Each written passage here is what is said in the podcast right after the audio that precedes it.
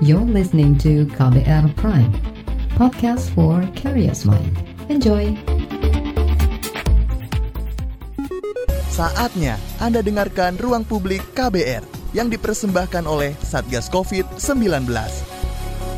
Selamat pagi saudara, kembali lagi Anda mendengarkan Ruang Publik KBR yang dipersembahkan oleh Satgas COVID-19.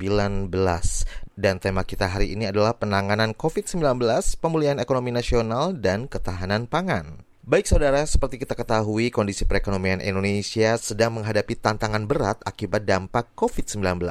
Namun, pemerintah terus berupaya bergerak cepat melakukan penanganan pandemi COVID-19 dengan berbagai skema program perlindungan sosial dan pengadaan vaksin COVID-19.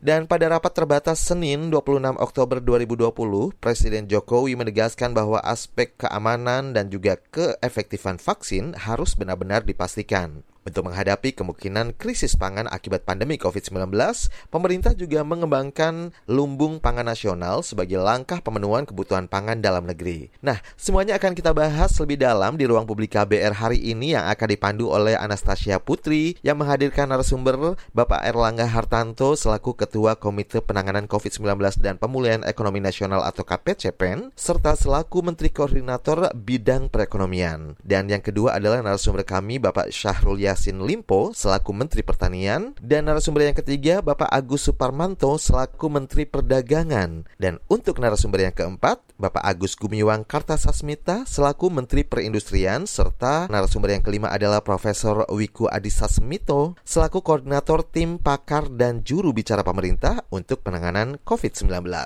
Kami akan langsung tersambung dengan moderator dan narasumber-narasumber kita melalui aplikasi Zoom berikut ini.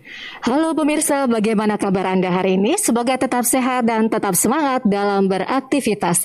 Sedang sekali saya Anastasia Putri bisa menemani Anda dalam bincang-bincang mengenai perkembangan terbaru dari Komite Penanganan COVID-19 dan Pemulihan Ekonomi Nasional. Hari ini topik yang akan kita bahas adalah perkembangan penanganan COVID-19, penanganan ekonomi nasional, dan ketahanan pangan yang disiarkan secara langsung dari Media Center Satuan Tugas Penanganan COVID-19 Geraha BNPB Jakarta. Pemirsa kondisi perekonomian Indonesia sedang menghadapi tantangan berat dampak dari COVID-19.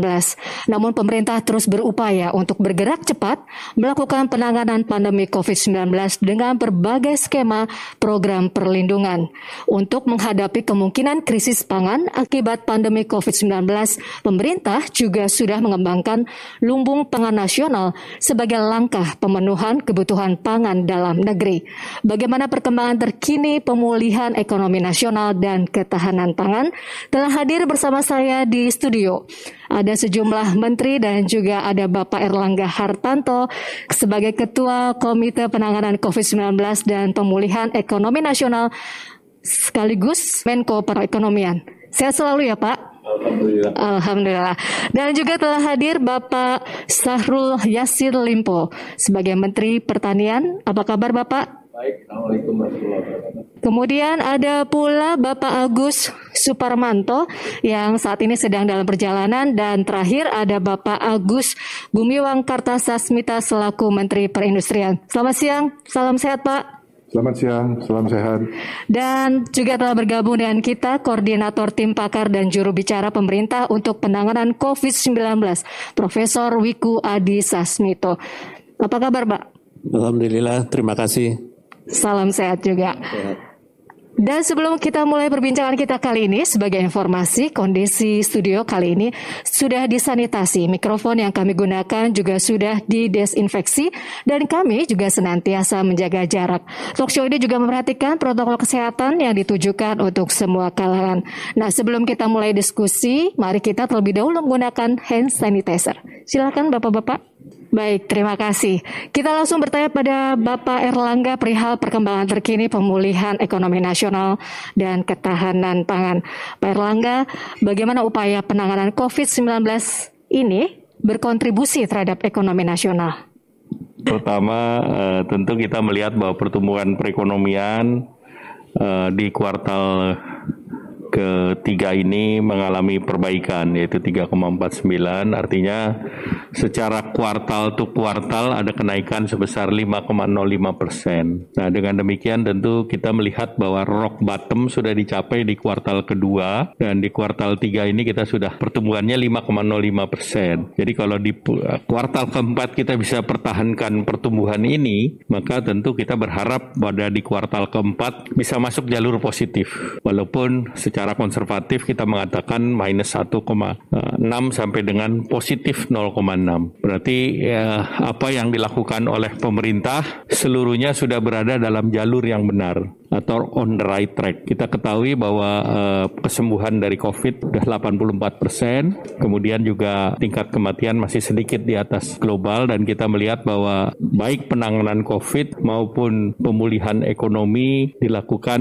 dengan gas rem yang seimbang. Nah, tentu kita melihat bahwa ke depan di tahun 2021 tentu kita berharap bahwa pertumbuhan kita akan mencapai seperti apa yang disampaikan oleh World Bank, ADB, IDB, IMF IMF pertumbuhan kita diperkirakan sekitar 5%. Nah, dari pertumbuhan itu kita melihat bahwa pertumbuhan di sektor pertanian selalu positif selama pandemi Covid. Kemudian sektor perindustrian sudah ada kenaikan plus PMI mendekati 50. Jadi nanti Pak Menteri Pertanian maupun Menteri Perindustrian akan menjelaskan secara detail sektor per sektor. Pastinya itu good news ya Pak di tengah kemarin sempat pemerintah mengumumkan resesi Indonesia. Ya tentunya yang didorong adalah transformasi karena kalau bicara resesi 215 negara terkontraksi tetapi kalau kita lihat di negara ASEAN Indonesia yang terbaik baik dari segi kontraksi di mana kita jauh di atas Singapura, Malaysia dalam dua kuartal atau di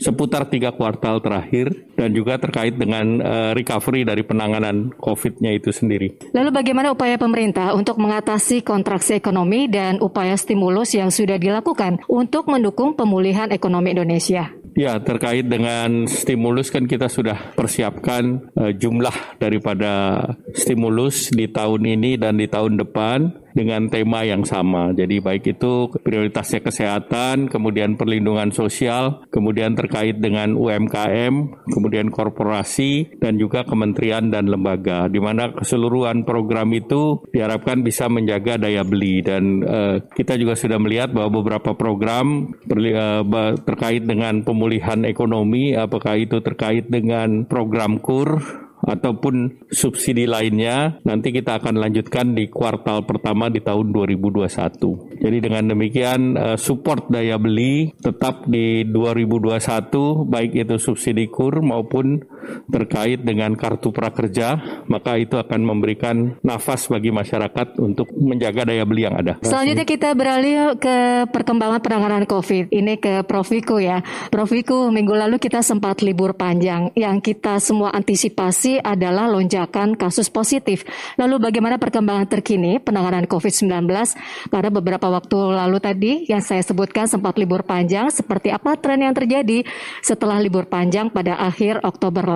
Jadi uh, kalau kita lihat perkembangan kasus nasional selama ini, sebenarnya menunjukkan tanda-tanda bahwa kasus COVID ini relatif terkendali. Meskipun juga ada libur panjang dan kita sudah pengalaman dengan beberapa libur panjang mulai dari Idul Fitri, Idul Adha, kemudian ada pada saat hari kemerdekaan memang ada peningkatan kasus cukup besar pada saat libur panjang uh, bulan Agustus dan situasinya terkendali setelah September ada kenaikan uh, kasus. Dan kalau kita lihat secara nasional, angka kasus aktif kita uh, adalah 12,52 persen, sedangkan di dunia ini kasus aktifnya adalah 26,79 persen. Jadi kita lebih rendah dan selisihnya 14, 27 persen. Dan ini dari waktu ke waktu selalu turun kasus aktifnya. Kasus aktif artinya kasus yang sedang sakit. Jadi ini adalah suatu prestasi nasional bersama. Ternyata masyarakat dan pemerintah bisa bersama-sama mengendalikan kasus. Dan jumlah yang sembuh pun juga naik terus. Pada hari ini sudah 84,14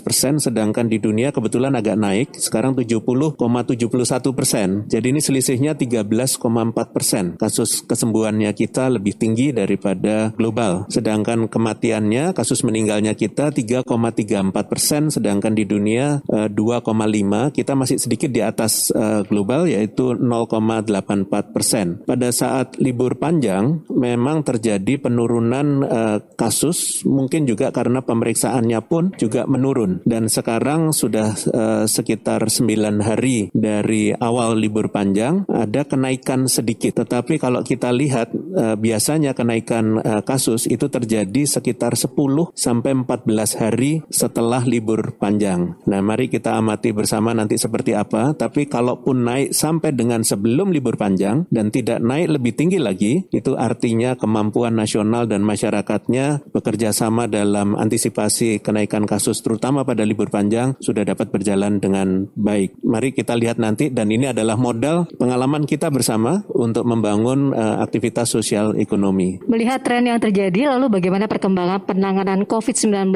ini ke depannya, Pak? Kalau kita lihat dari kondisi yang ada secara nasional yang tren kesembuhannya selalu naik, uh, angka kasus aktifnya selalu turun, angka kematiannya selalu turun, tren itu adalah tren yang baik dalam arti terkendali. Dengan adanya peningkatan uh, kasus di daerah utara di Eropa, maka kita harus betul-betul waspada menjaga perbatasan kita terutama kepada pekerja migran yang kembali ke Indonesia ataupun juga hal-hal yang lain misalnya umroh yang sudah mulai dan uh, besok akan kembali ke Indonesia, kita harus betul-betul menerapkan uh, karantina dan testing dengan baik swab agar betul-betul tidak ada import case ke Indonesia.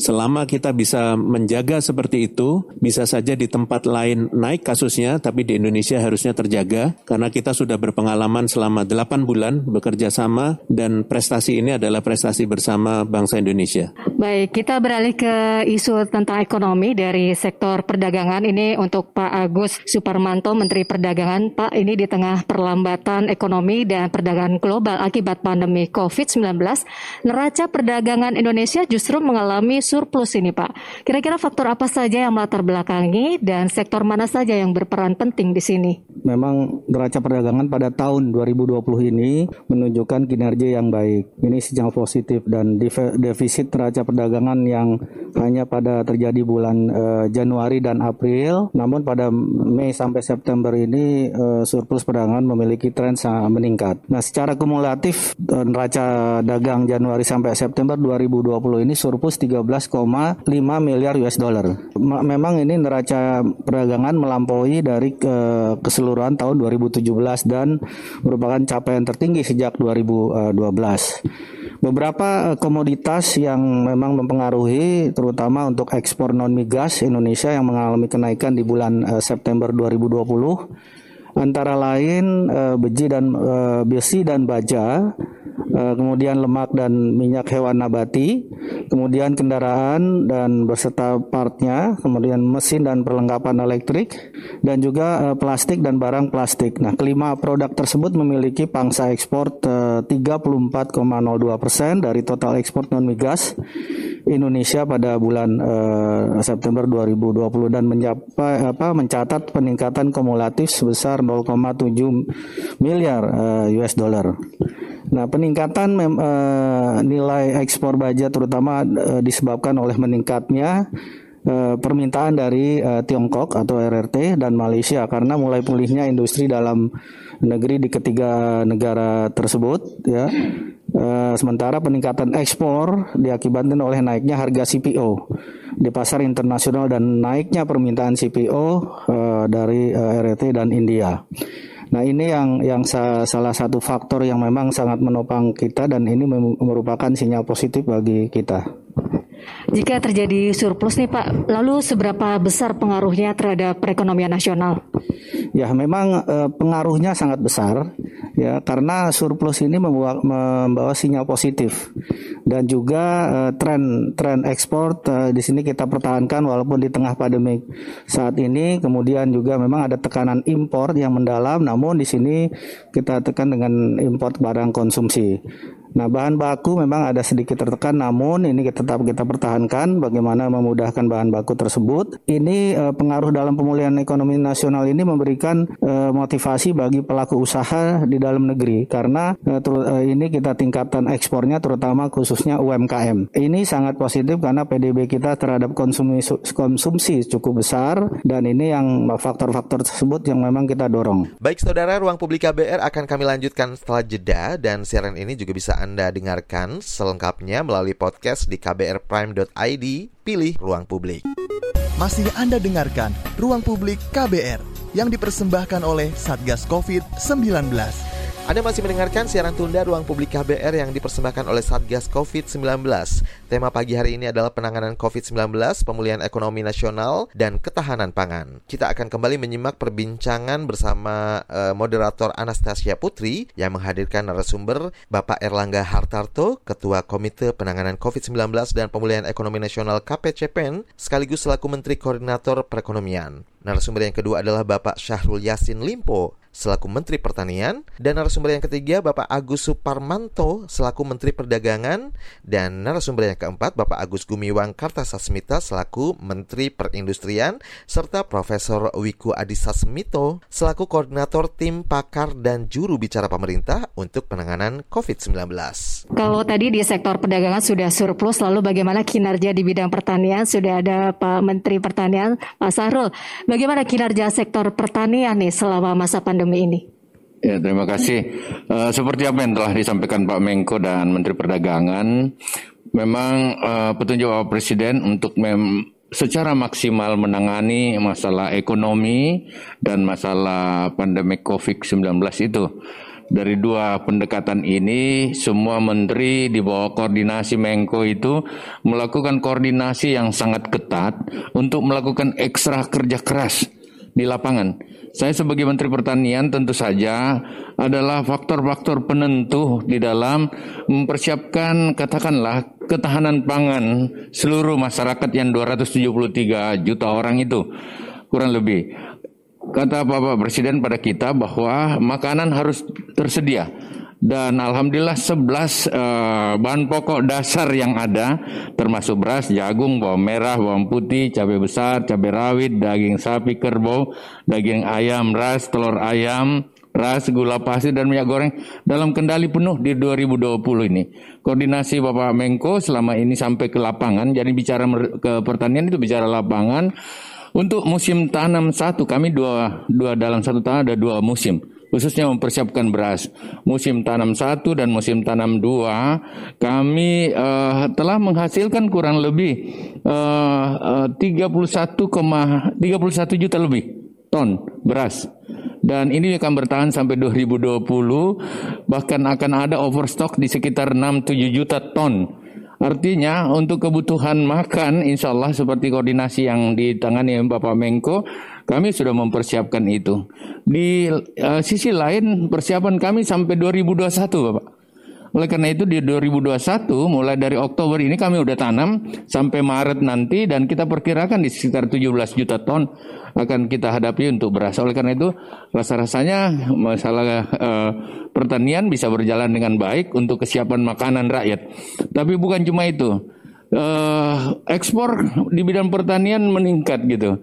Jadi kurang lebih dari Januari ke Agustus kemarin sudah 251 triliun. Ini seperti penjelasan Menteri Perdagangan memperlihatkan tren perkembangan yang cukup bagus. Kami cuma terlok kurang lebih dari bulan April, satu bulan itu sesudah itu kemuliaan dan permintaan ekspor ke bahan-bahan kita cukup tersedia cukup besar dan uh, cukup luar biasa. Sekarang ini penanganan kami adalah kita berharap memang ada langkah-langkah uh, kesiapan tidak hanya dengan lahan existing sekarang. Bapak Presiden minta kami masuk untuk memperlihatkan food estate yang ada di Kalimantan Tengah, kemudian yang ada di Humbang di Sumatera Utara ada empat kabupaten dan beberapa daerah lain. Kalau kalau memang dibutuhkan cadangan-cadangan kelebihan dari yang ada itu bisa dipersiapkan untuk ekspor ke depan. Kurang lebih seperti itu. Nah, Pak Zarul, ini baru-baru ini ada 46 negara di Asia Pasifik mengikuti konferensi regional Asia Pasifik atau FAO ke-35 untuk membahas situasi terkini ketahanan pangan. Lalu apa hasil yang didapat dalam pertemuan tersebut? Ya, ada kerjasama yang kuat di bawah uh, pembinaan organisasi FAO untuk melihat semua negara mempersiapkan ketahanan pangan masing-masing secara kuat. Karena uh, after COVID ini ada juga musim kering yang dihadapi dan ancaman-ancaman uh, katakanlah kekurangan pangan dunia yang ada. Nah, dari pendekatan itu, langkah yang kita lakukan di Indonesia adalah melakukan percepatan tanam dan mengejar semuanya. Termasuk sekarang menangani juga kemungkinan akan ada El Nina atau banjir yang ada dan kita udah prediksi itu di atas 3 sampai 4 persen yang kami udah prediksi dengan pendekatan ada agenda emergensinya, agenda uh, temporary dan permanen agenda untuk menangani kalau ada hal-hal seperti itu. FAO mengapresiasi apa yang ada di Indonesia, bahkan memberikan apresiasi yang kuat bahwa Indonesia pada track yang benar untuk mempersiapkan ketahanan pangan. Yang kedua, ketahanan pangan tidak boleh ada border antar negara. Jadi masalah ketahanan pangan kita sepakati di FAO tidak ada border dan itu usul dari kita agar uh, saling menunjang khususnya di Asia Tenggara itu bisa dilakukan dengan baik. Baik, terima kasih dari kinerja sektor perdagangan, sektor pertanian sudah. Sekarang kita menuju ke sektor perindustrian. Sudah ada Bapak Agus Kumiwang, Menteri Perindustrian. Pak, apa saja kebijakan yang diberlakukan untuk mendorong perekonomian terus berjalan di tengah situasi yang sangat menantang ini, Pak? Terima kasih Mbak Putri. Sejak awal hadirnya COVID-19 di Indonesia, kami dari Kementerian Perindustrian memutar otak karena ini tidak uh, tidak mudah. Bagaimana kita bisa tetap memastikan bahwa proses produksi itu masih bisa dilaksanakan di pabrik-pabrik, di industri manufaktur tanpa dia menjadi klaster penyebaran dari uh, virus COVID-19 ini. Maka berdasarkan dari apa yang tadi saya sampaikan, kami Kementerian Industrian sudah sejak awal uh, menerbitkan beberapa surat edaran dari mulai surat edaran nomor 4 tahun 2020, nomor 7 dan nomor 8 yang pada intinya kita uh, memberikan uh, koridor dan aturan pada industri-industri untuk mereka bisa tetap melakukan melakukan proses produksi dengan menyampaikan uh, uh, apa namanya usulan atau proposal uh, terhadap izin operasional dan mobilitas kegiatan industri apa yang atau biasa yang uh, disingkat dengan IOMKI. Nah, IOMKI ini sifatnya uh, sukarela ya bagi perusahaan-perusahaan industri yang ingin tetap melaksanakan proses produksi. Uh, karena ini sukarela, tentu perusahaan-perusahaan industri juga mempunyai kewajiban untuk memenuhi standar-standar protokol kesehatan yang sudah di uh, gariskan atau yang sudah dirumuskan oleh uh, pemerintah. Nah, dalam surat edaran nomor 8 misalnya kita juga merumuskan aturan uh, di mana industri ini tetap harus memberikan laporan kepada kami di Kementerian Perindustrian terhadap apa saja upaya-upaya mereka untuk bisa apa melaksanakan protokol kesehatan dan juga mitigasi seperti apa apabila di industri masing-masing uh, ditemukan eh, kasus-kasus uh, yang berkaitan dengan COVID-19. Jadi sejak awal kami dalam tanda petik uh, dalam tanda petik ya uh, supaya tidak disalahartikan agresif, kami sadar betul bahwa perekonomian melalui kegiatan industri ini uh, tidak boleh ketinggalan. Walaupun di satu sisi kami sadar betul juga bahwa uh, penanganan kesehatan itu harus di depan, sementara sektor industri harus mengikuti secara ketat di belakangnya. Jadi uh, sekarang belum waktunya untuk sektor industri bisa bisa mendahului sektor kesehatan, tapi dia tidak boleh jauh ketinggalan dari sektor kesehatan, sektor industri ini yang betul-betul sejak awal sejak awal kami coba untuk untuk untuk tangani. Ya tadi Pak Agus juga sempat mengatakan harus memutar otak ya. Nah kira-kira industri apa saja nih Pak yang masih bisa tumbuh dan bertahan saat ini serta sektor apa saja yang dapat segera pulih? Uh, jadi Mbak Putri uh, sesungguhnya kami sangat yakin bahwa resiliensi dari uh, sektor industri manufaktur yang ada di Indonesia ini cukup kuat, cukup tinggi ya. Uh, dan semangat mereka untuk tetap memberikan kontribusi terhadap ekonomi juga tinggi dengan adanya uh, apa namanya begitu banyak begitu besar perusahaan-perusahaan industri yang uh, mengajukan IOMKI tadi izin operasional dan mobilitas kegiatan industri kepada Kementerian Industri uh, Kementerian Industri Perindustrian. Nah, kita lihat juga tadi seperti apa yang disampaikan oleh Pak Menko Perekonomian bahwa sesungguhnya uh, ketika kita bicara uh, kuartal 2 dan kuartal 3 itu ada pertumbuhan uh, di sektor industri manufaktur sebesar 5,25 persen. Nah ini uh, merupakan hal yang sangat positif, ya, yang uh, menurut pandangan kami uh, apa namanya seperti yang tadi disampaikan oleh Pak Menko, kira-kira kita sudah pada posisi uh, rock bottom pada kuartal kedua dan mudah-mudahan ke depan kita akan uh, uh, mulai uh, menunjukkan proses pemulihan. Kami juga sampaikan bahwa uh, PMI, PMI ini adalah uh, Purchasing Manager Index, itu merupakan sebuah indikator ya dari confidence para managers di di dunia industri dalam mereka, contohnya dalam mereka me, melakukan purchasing untuk untuk bahan baku ya. Uh, nah ini sudah menunjukkan hal yang positif ya apalagi ketika dibandingkan ketika Covid uh, mulai masuk ke Indonesia pada Februari Maret. Nah sekarang sudah dalam posisi menggeliat ya, posisi menggeliat kita mendorong uh, dan kami percaya sebelum berakhirnya tahun 2020 PMI ini bisa masuk ke titik 50 di mana titik 50 itu berarti bahwa industri dalam negeri sudah me, me, sampai kepada status ekspansif. Kalau bicara soal apa eh, industri-industri apa saja yang uh, tumbuh ya saya kira tadi saya sampaikan secara umum semuanya tumbuh ketika dibandingkan dengan kuartal kuartal uh, kedua yang lalu tapi memang pertumbuhan itu ketika dibandingkan dengan tahun 2019 ini masih ada tekanan-tekanan ya masih uh, negatif secara umum kami ingin menyampaikan beberapa contoh saja misalnya uh, produksi mobil ya pada uh, triwulan 3 tahun 2020 itu mencapai 113.560 eh, unit atau naik sebesar 172 persen. Ini quarter to quarter. Jadi dari quarter kedua sampai quarter ketiga itu ada kenaikan 172,78 persen. Namun, namun kalau dibandingkan dengan uh, year on year, ini ada keturu, uh, penurunan sebesar 68,47 persen. Padahal kita tahu bahwa industri otomotif ini merupakan industri yang sangat penting karena turunannya mata rantainya itu sangat banyak ya belum lagi kita bicara uh, partisipasi dari industri kecil dan menengah untuk mendukung industri otomotif. Kemudian uh, contoh yang kedua yang kami sampaikan uh, produksi semen misalnya ya di di, di triwulan 3 itu sebesar 18,1 juta ton dibandingkan uh, uh, triwulan 2 itu naik 42,09 persen. Namun secara rata-rata uh, tahun 2019 dibandingkan 2020 itu turun sebesar uh, 9 persen.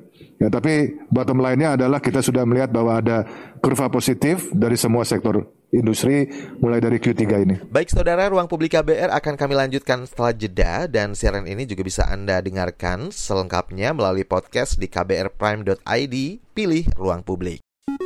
Masih Anda dengarkan Ruang Publik KBR yang dipersembahkan oleh Satgas COVID-19. Anda masih mendengarkan siaran tunda Ruang Publik KBR yang dipersembahkan oleh Satgas COVID-19.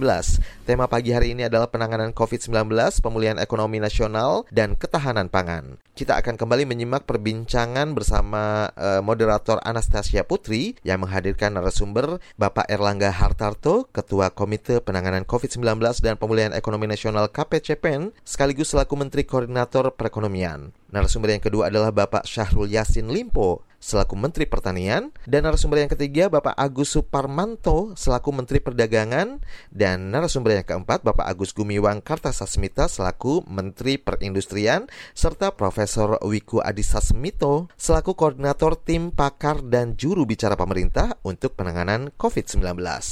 Tapi Pak Agus bagaimana juga dengan adanya ancaman gelombang PHK ini Pak? Tentu uh, banyak sekali upaya kita untuk bisa uh, mengadres isu PHK. Yang pertama, kita harus memastikan bahwa industri itu bisa beroperasi.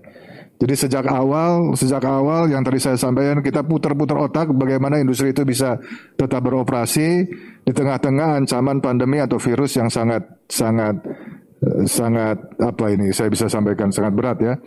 Uh, maka kita sadar betul bahwa bahwa bahwa dengan beroperasinya industri atau pabrik-pabrik itu itu pasti akan mencegah PHK, akan mencegah perumahan uh, apa uh, karyawan yang dirumahkan. Juga uh, ini ada pleasant surprise ya di mana di mana salah satu yang kita bisa apa uh, harapkan dari penyerapan tenaga kerja itu investasi bisa masuk. Nah, ini kita bisa, bisa lihat bahwa justru pada saat pandemi ini uh, investasi untuk sektor industri ya periode Januari September 2020 ini pada masa pandemi itu naik 37 persen ya dibandingkan dengan uh, periode tahun lalu. Uh, dan di tahun 2020 industri menyerap investasi senilai 201,9 triliun. Nah, jadi investasi investasi itu juga merupakan kata kunci untuk kita mencegah PHK dan menciptakan lapangan kerja baru. Baik, terima kasih dan kata kunci berikutnya adalah Prof. Wiku ini protokol kesehatan. Lagi-lagi protokol kesehatan sangat penting untuk memutus mata rantai penyebaran COVID-19. Seperti apa perkembangan penerapan protokol kesehatan di masyarakat dan apa saja yang masih perlu untuk dievaluasi? Ya, baik terima kasih Mbak Putri. Jadi kita sudah 8 bulan dan uh, kegiatan masyarakat juga sebagian sudah mulai uh, kembali dengan tetap menerapkan protokol kesehatan. Kami di Satgas memiliki alat monitor tentang perilaku yang ada di masyarakat dan sudah kita operasikan sebulan lebih. Jadi kami bekerja sama dengan TNI, Polri, Satpol PP, dan Duta Perubahan Perilaku yang ada di seluruh Indonesia. Anggota TNI lebih dari 90 ribu menyebar di seluruh Indonesia. Anggota Polri-nya hampir 200 ribu dan juga ribuan Satpol PP dan uh, Duta Perubahan Perilaku. Mereka melaporkan setiap hari, setiap jam tentang uh, penerapan protokol 3M itu di masyarakat. Dan real time di foto dan dikirimkan kepada kami, laporannya sekitar 500 laporan per detik dari seluruh Indonesia. Dan saat sekarang ini sudah ada 20 juta orang yang dipantau dan dari uh, dari 4 juta 500 ribu titik yang dipantau di seluruh Indonesia. Dan dari uh, laporan ini kita lihat bahwa kepatuhan individu dan institusi yang kita nilai, ternyata kepatuhan individunya menggunakan masker, salah satu contohnya, relatif mereka sudah menggunakan masker, ada sekitar 20 persen yang belum mengguna, uh, belum tertib menggunakan masker. Begitu juga dengan menjaga jarak dan juga uh, uh, uh, cuci tangan. Selain itu kita juga lihat kepatuhan institusi. Jadi kalau tadi sudah dijelaskan oleh para menteri tentang ekonomi yang sudah berjalan dan modal kita ke depan, ternyata kedisiplinannya mereka ini termonitor. Dan memang belum semeluruhnya disiplin, tetapi uh, itu yang harus kita kerjakan sehingga uh, selama 8 bulan ini terlihat bahwa mereka ini sebenarnya sudah mulai beradaptasi dengan kebiasaan baru dan lonjakan kasus tidak terjadi dengan drastis karena data-data menunjukkan angka kasus aktifnya turun terus angka kesembuhannya naik terus, kesembuhan naik itu berarti mereka lebih dini uh, melaporkan atau uh, menerima uh, treatment dari rumah sakit dan juga uh, obat-obatan dan seterusnya oleh tenaga kesehatan juga semakin mampu mereka dan ini adalah modal kita untuk pembangunan ekonomi ke ke depan pemulihan ekonomi nasional. Jadi kalau kita lihat sebenarnya kendali ada terus di pemerintah dan masyarakat juga bisa melihat sendiri kondisinya karena ini juga asalnya juga dari masyarakat. Semakin kita bisa menjaga perilaku kita secara kolektif dan disiplin, maka tentunya kita juga bisa mulai start uh, untuk pemulihan ekonomi nasional. Ya, Prof. Iko selain tadi sebagai duta perubahan perilaku, kira-kira bagaimana masyarakat memiliki peran penting dalam pengendalian kasus penularan COVID-19 ini? Baik, jadi peran pentingnya adalah sebenarnya adalah gotong royong. Jadi saling mengingatkan mulai dari uh, individu di keluarga, kemudian di masyarakat yang kecil RT RW sampai dengan di kantor-kantor dan tempat bekerja mereka termasuk di industri. Dan uh, potensi untuk saling mengingatkan ini besar sekali dan sudah mereka jalankan. Dan uh, toleransi seperti inilah yang kita perlukan dalam modal kita untuk bekerja ke depan. Baik, uh, ke Pak Erlangga lagi nih, uh, Pak ini anggaran pemulihan ekonomi nasional sudah cair ya Pak, ada sekitar 52,8 persen. Lalu eh, ke mana saja alokasi yang di, akan diberikan untuk anggaran tersebut dan mengapa sektor tersebut yang dipilih? Jadi kita tematiknya itu ada enam. Satu sektor kesehatan, Mbak Putri. Jadi sektor kesehatan itu pagunya 87,55 triliun. Dan ini serapannya uh, sampai dengan bulan November itu 35 setengah persen atau 31 triliun.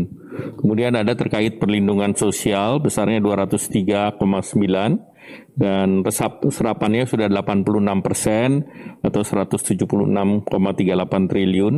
Kemudian kementerian lembaga dan pemerintah daerah 106 eh, triliun, serapannya 30,25 triliun atau 28,51 persen. Kemudian untuk UMKM 123,47 triliun, realisasinya 93,59 triliun atau 75,81 persen. Kemudian pembiayaan korporasi ini hampir seluruhnya terkait terkait dengan BUMN baik itu yang di Kementerian BUMN maupun di bawah Kementerian Keuangan dan ini tinggal menunggu PP kemungkinan terserapnya uh, di atas 95 persen. Kemudian ada insentif usaha 120 triliun diserap 35,49 dan kami masih melihat bahwa program-program yang terkait dengan insentif usaha itu dalam bentuk penjaminan kita lihat dari sektor perbankan itu kita melihat bahwa sektor yang masih perlu kita dorong adalah di sektor korporasi yang memang di perbankan uh, yang restructuring ini masih 25 persen.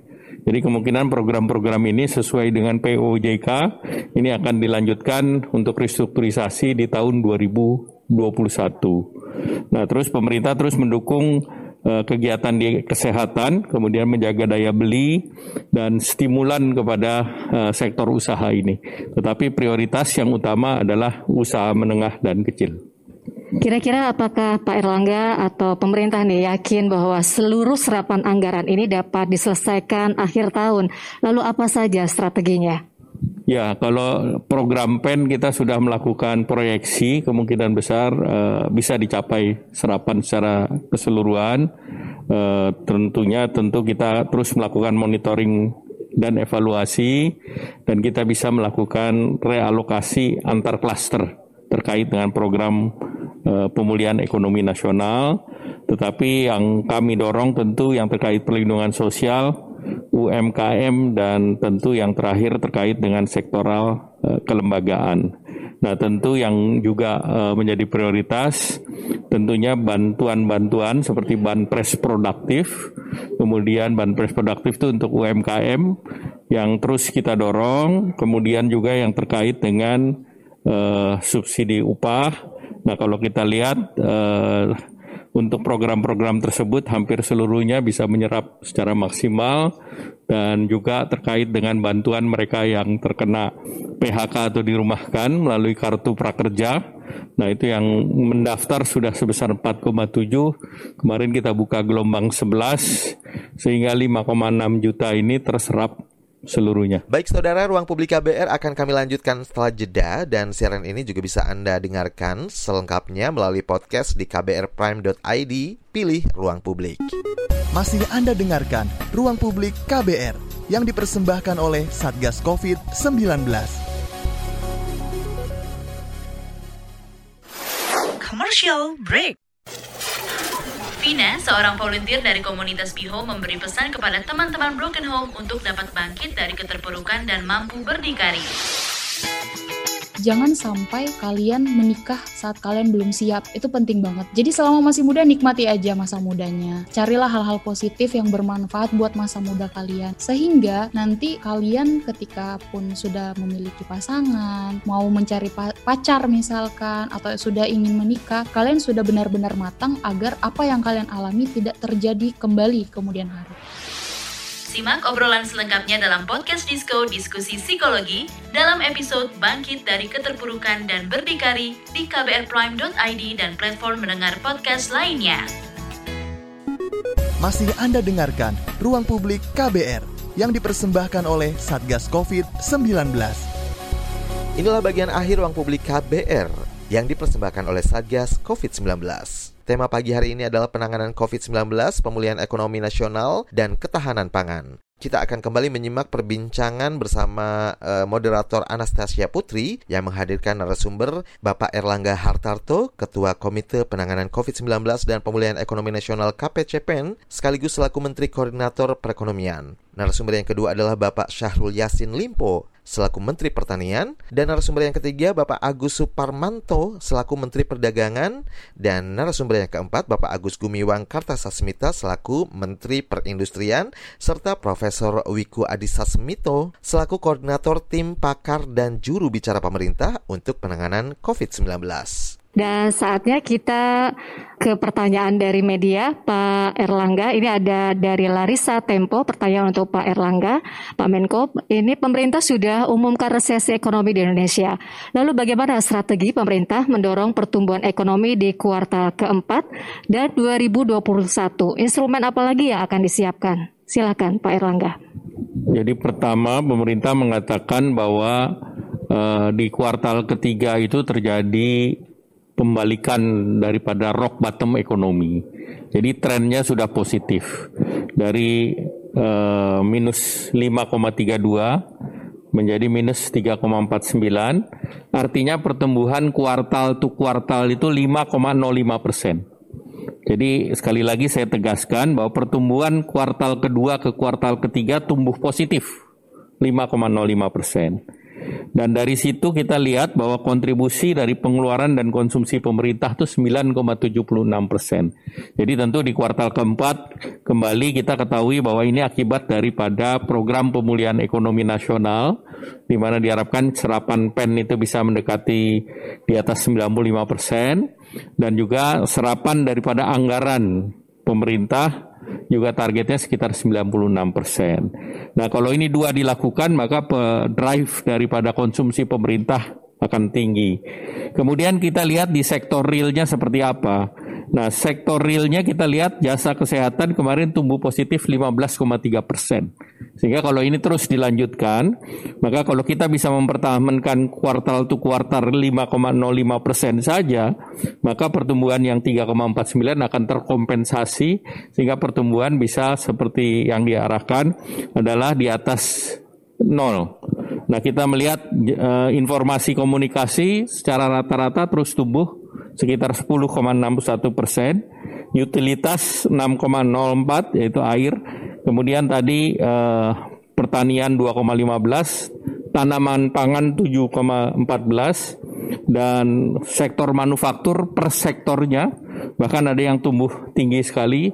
Kimia dan farmasi itu 14,96 jadi kalau tren yang terjadi di kuartal ketiga kita pertahankan di kuartal keempat ditambah investasi sekitar 205 triliun baik itu investasi langsung maupun indirect melalui portofolio melalui pasar modal kita ketahui bahwa indeks saham positif kemudian rupiah juga uh, relatif kuat, stabil, maka tentu ini uh, memberikan uh, suasana optimisme kepada masyarakat dan juga kepada para usahawan UMKM dan kita berharap bahwa undang-undang cipta kerja ini dalam waktu tiga bulan turunan undang-undangnya kita bisa siapkan.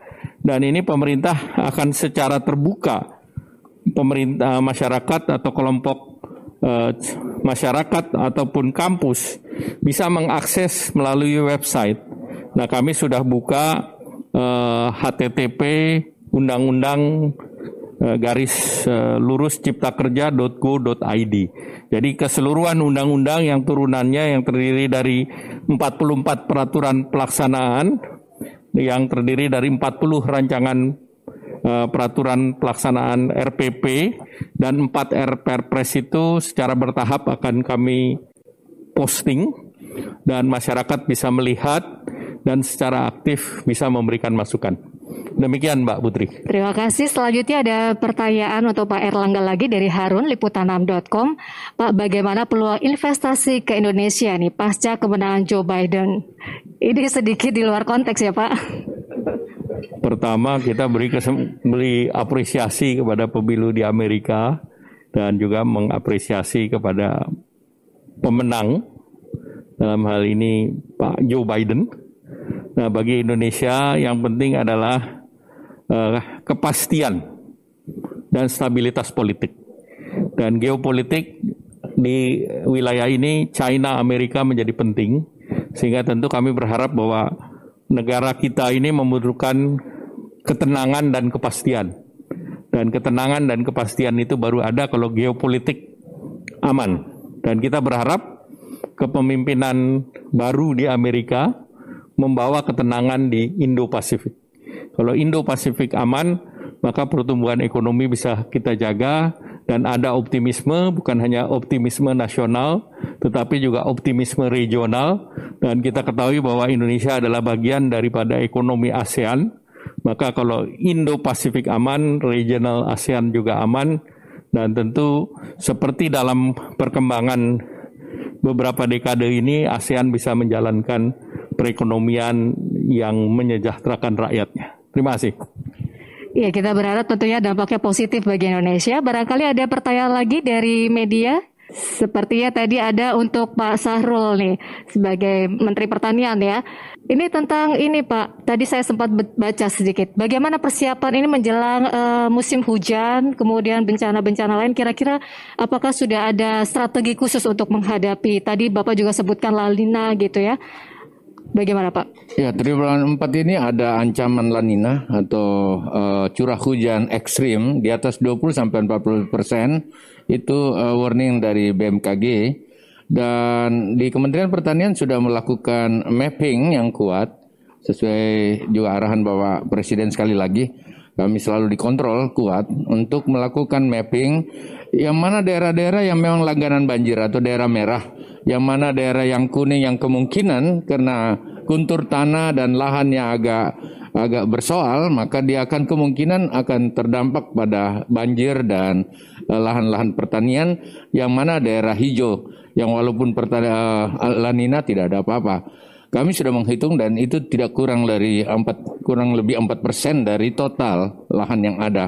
Ada tiga agenda yang kita persiapkan di situ agenda darurat kalau memang terjadi serangan seperti itu lanina terjadi maka antara lain asuransi yang kita perkuat dan lain-lain. Kemudian pada lahan-lahan yang memang ber, berpotensi merah itu dilakukan varietas khusus yang tahan air kurang lebih seperti itu. Kemudian ada brigade-brigade yang sudah dipersiapkan per provinsi, per kabupaten sesuai sesuai dengan mapping yang kita persiapkan sehingga pendadakan bisa kita lakukan atau antisipasi. Yang ketiga adalah eh, brigade-brigade dan permanen sistem untuk memperbaiki irigasi dan lain-lain sebagainya.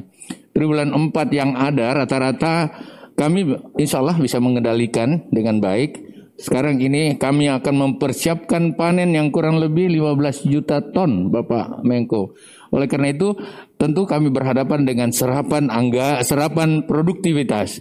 Dan ini tentu kita uh, berharap ini tak mampu terantisipasi oleh kita sehingga daya beli masyarakat juga yang terpus ke atas akan mampu menyerap seluruh produksi produktivitas pertanian yang ada. Kalau ini terjaga dengan baik sesuai apa yang menjadi komitmen di kabinet, maka insya Allah kita bisa tangani ini dengan lebih baik.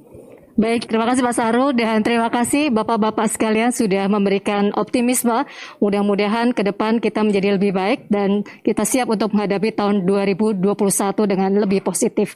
Dan saatnya kita tiba di penghujung acara. Semoga bincang-bincang kita hari ini bermanfaat untuk kita semua. Jangan lupa pemirsa untuk selalu memakai masker, menjaga jarak dan menghindari kerumunan, mencuci tangan, pakai sabun dengan air yang mengalir dan ingat pesan dari Ketua Satuan Tugas Penanganan COVID-19 telah menyampaikan pesan kepada kita semua agar terus mematuhi protokol kesehatan. Dan kali ini Pak Doni akan menyampaikan bahwa apa yang kita lakukan agar disiplin dan patuh untuk memakai masker, menjaga jarak dan menghindari kerumunan serta mencuci tangan belum sebanding dengan beratnya perjuangan para dokter dan tenaga kesehatan yang merawat pasien di rumah sakit. Mereka yang mengabaikan protokol kesehatan sehingga sehingga menimbulkan korban jiwa bukan hanya diminta pertanggungjawaban di dunia tetapi juga di akhirat. Saya akhiri talkshow kita siang hari ini. Saya Anastasia Putri bersama tim yang bertugas dan para pembicara pamit undur diri. Selamat siang dan sampai jumpa. Saudara karena waktu terbatas kita akan akhiri perbincangan kali ini ruang publik KBR yang dipersembahkan oleh Satgas COVID-19. Terima kasih atas kebersamaan Anda. Ingat selalu pesan ibu untuk memakai masker, menjaga jarak dan mencuci tangan dengan sabun di air mengalir. Saya Rizal Wijaya undur diri. Terima kasih. Salam. Baru saja Anda dengarkan Ruang Publik KBR yang dipersembahkan oleh Satgas COVID-19. KBR Prime, cara asik mendengar berita. KBR Prime, podcast for curious mind.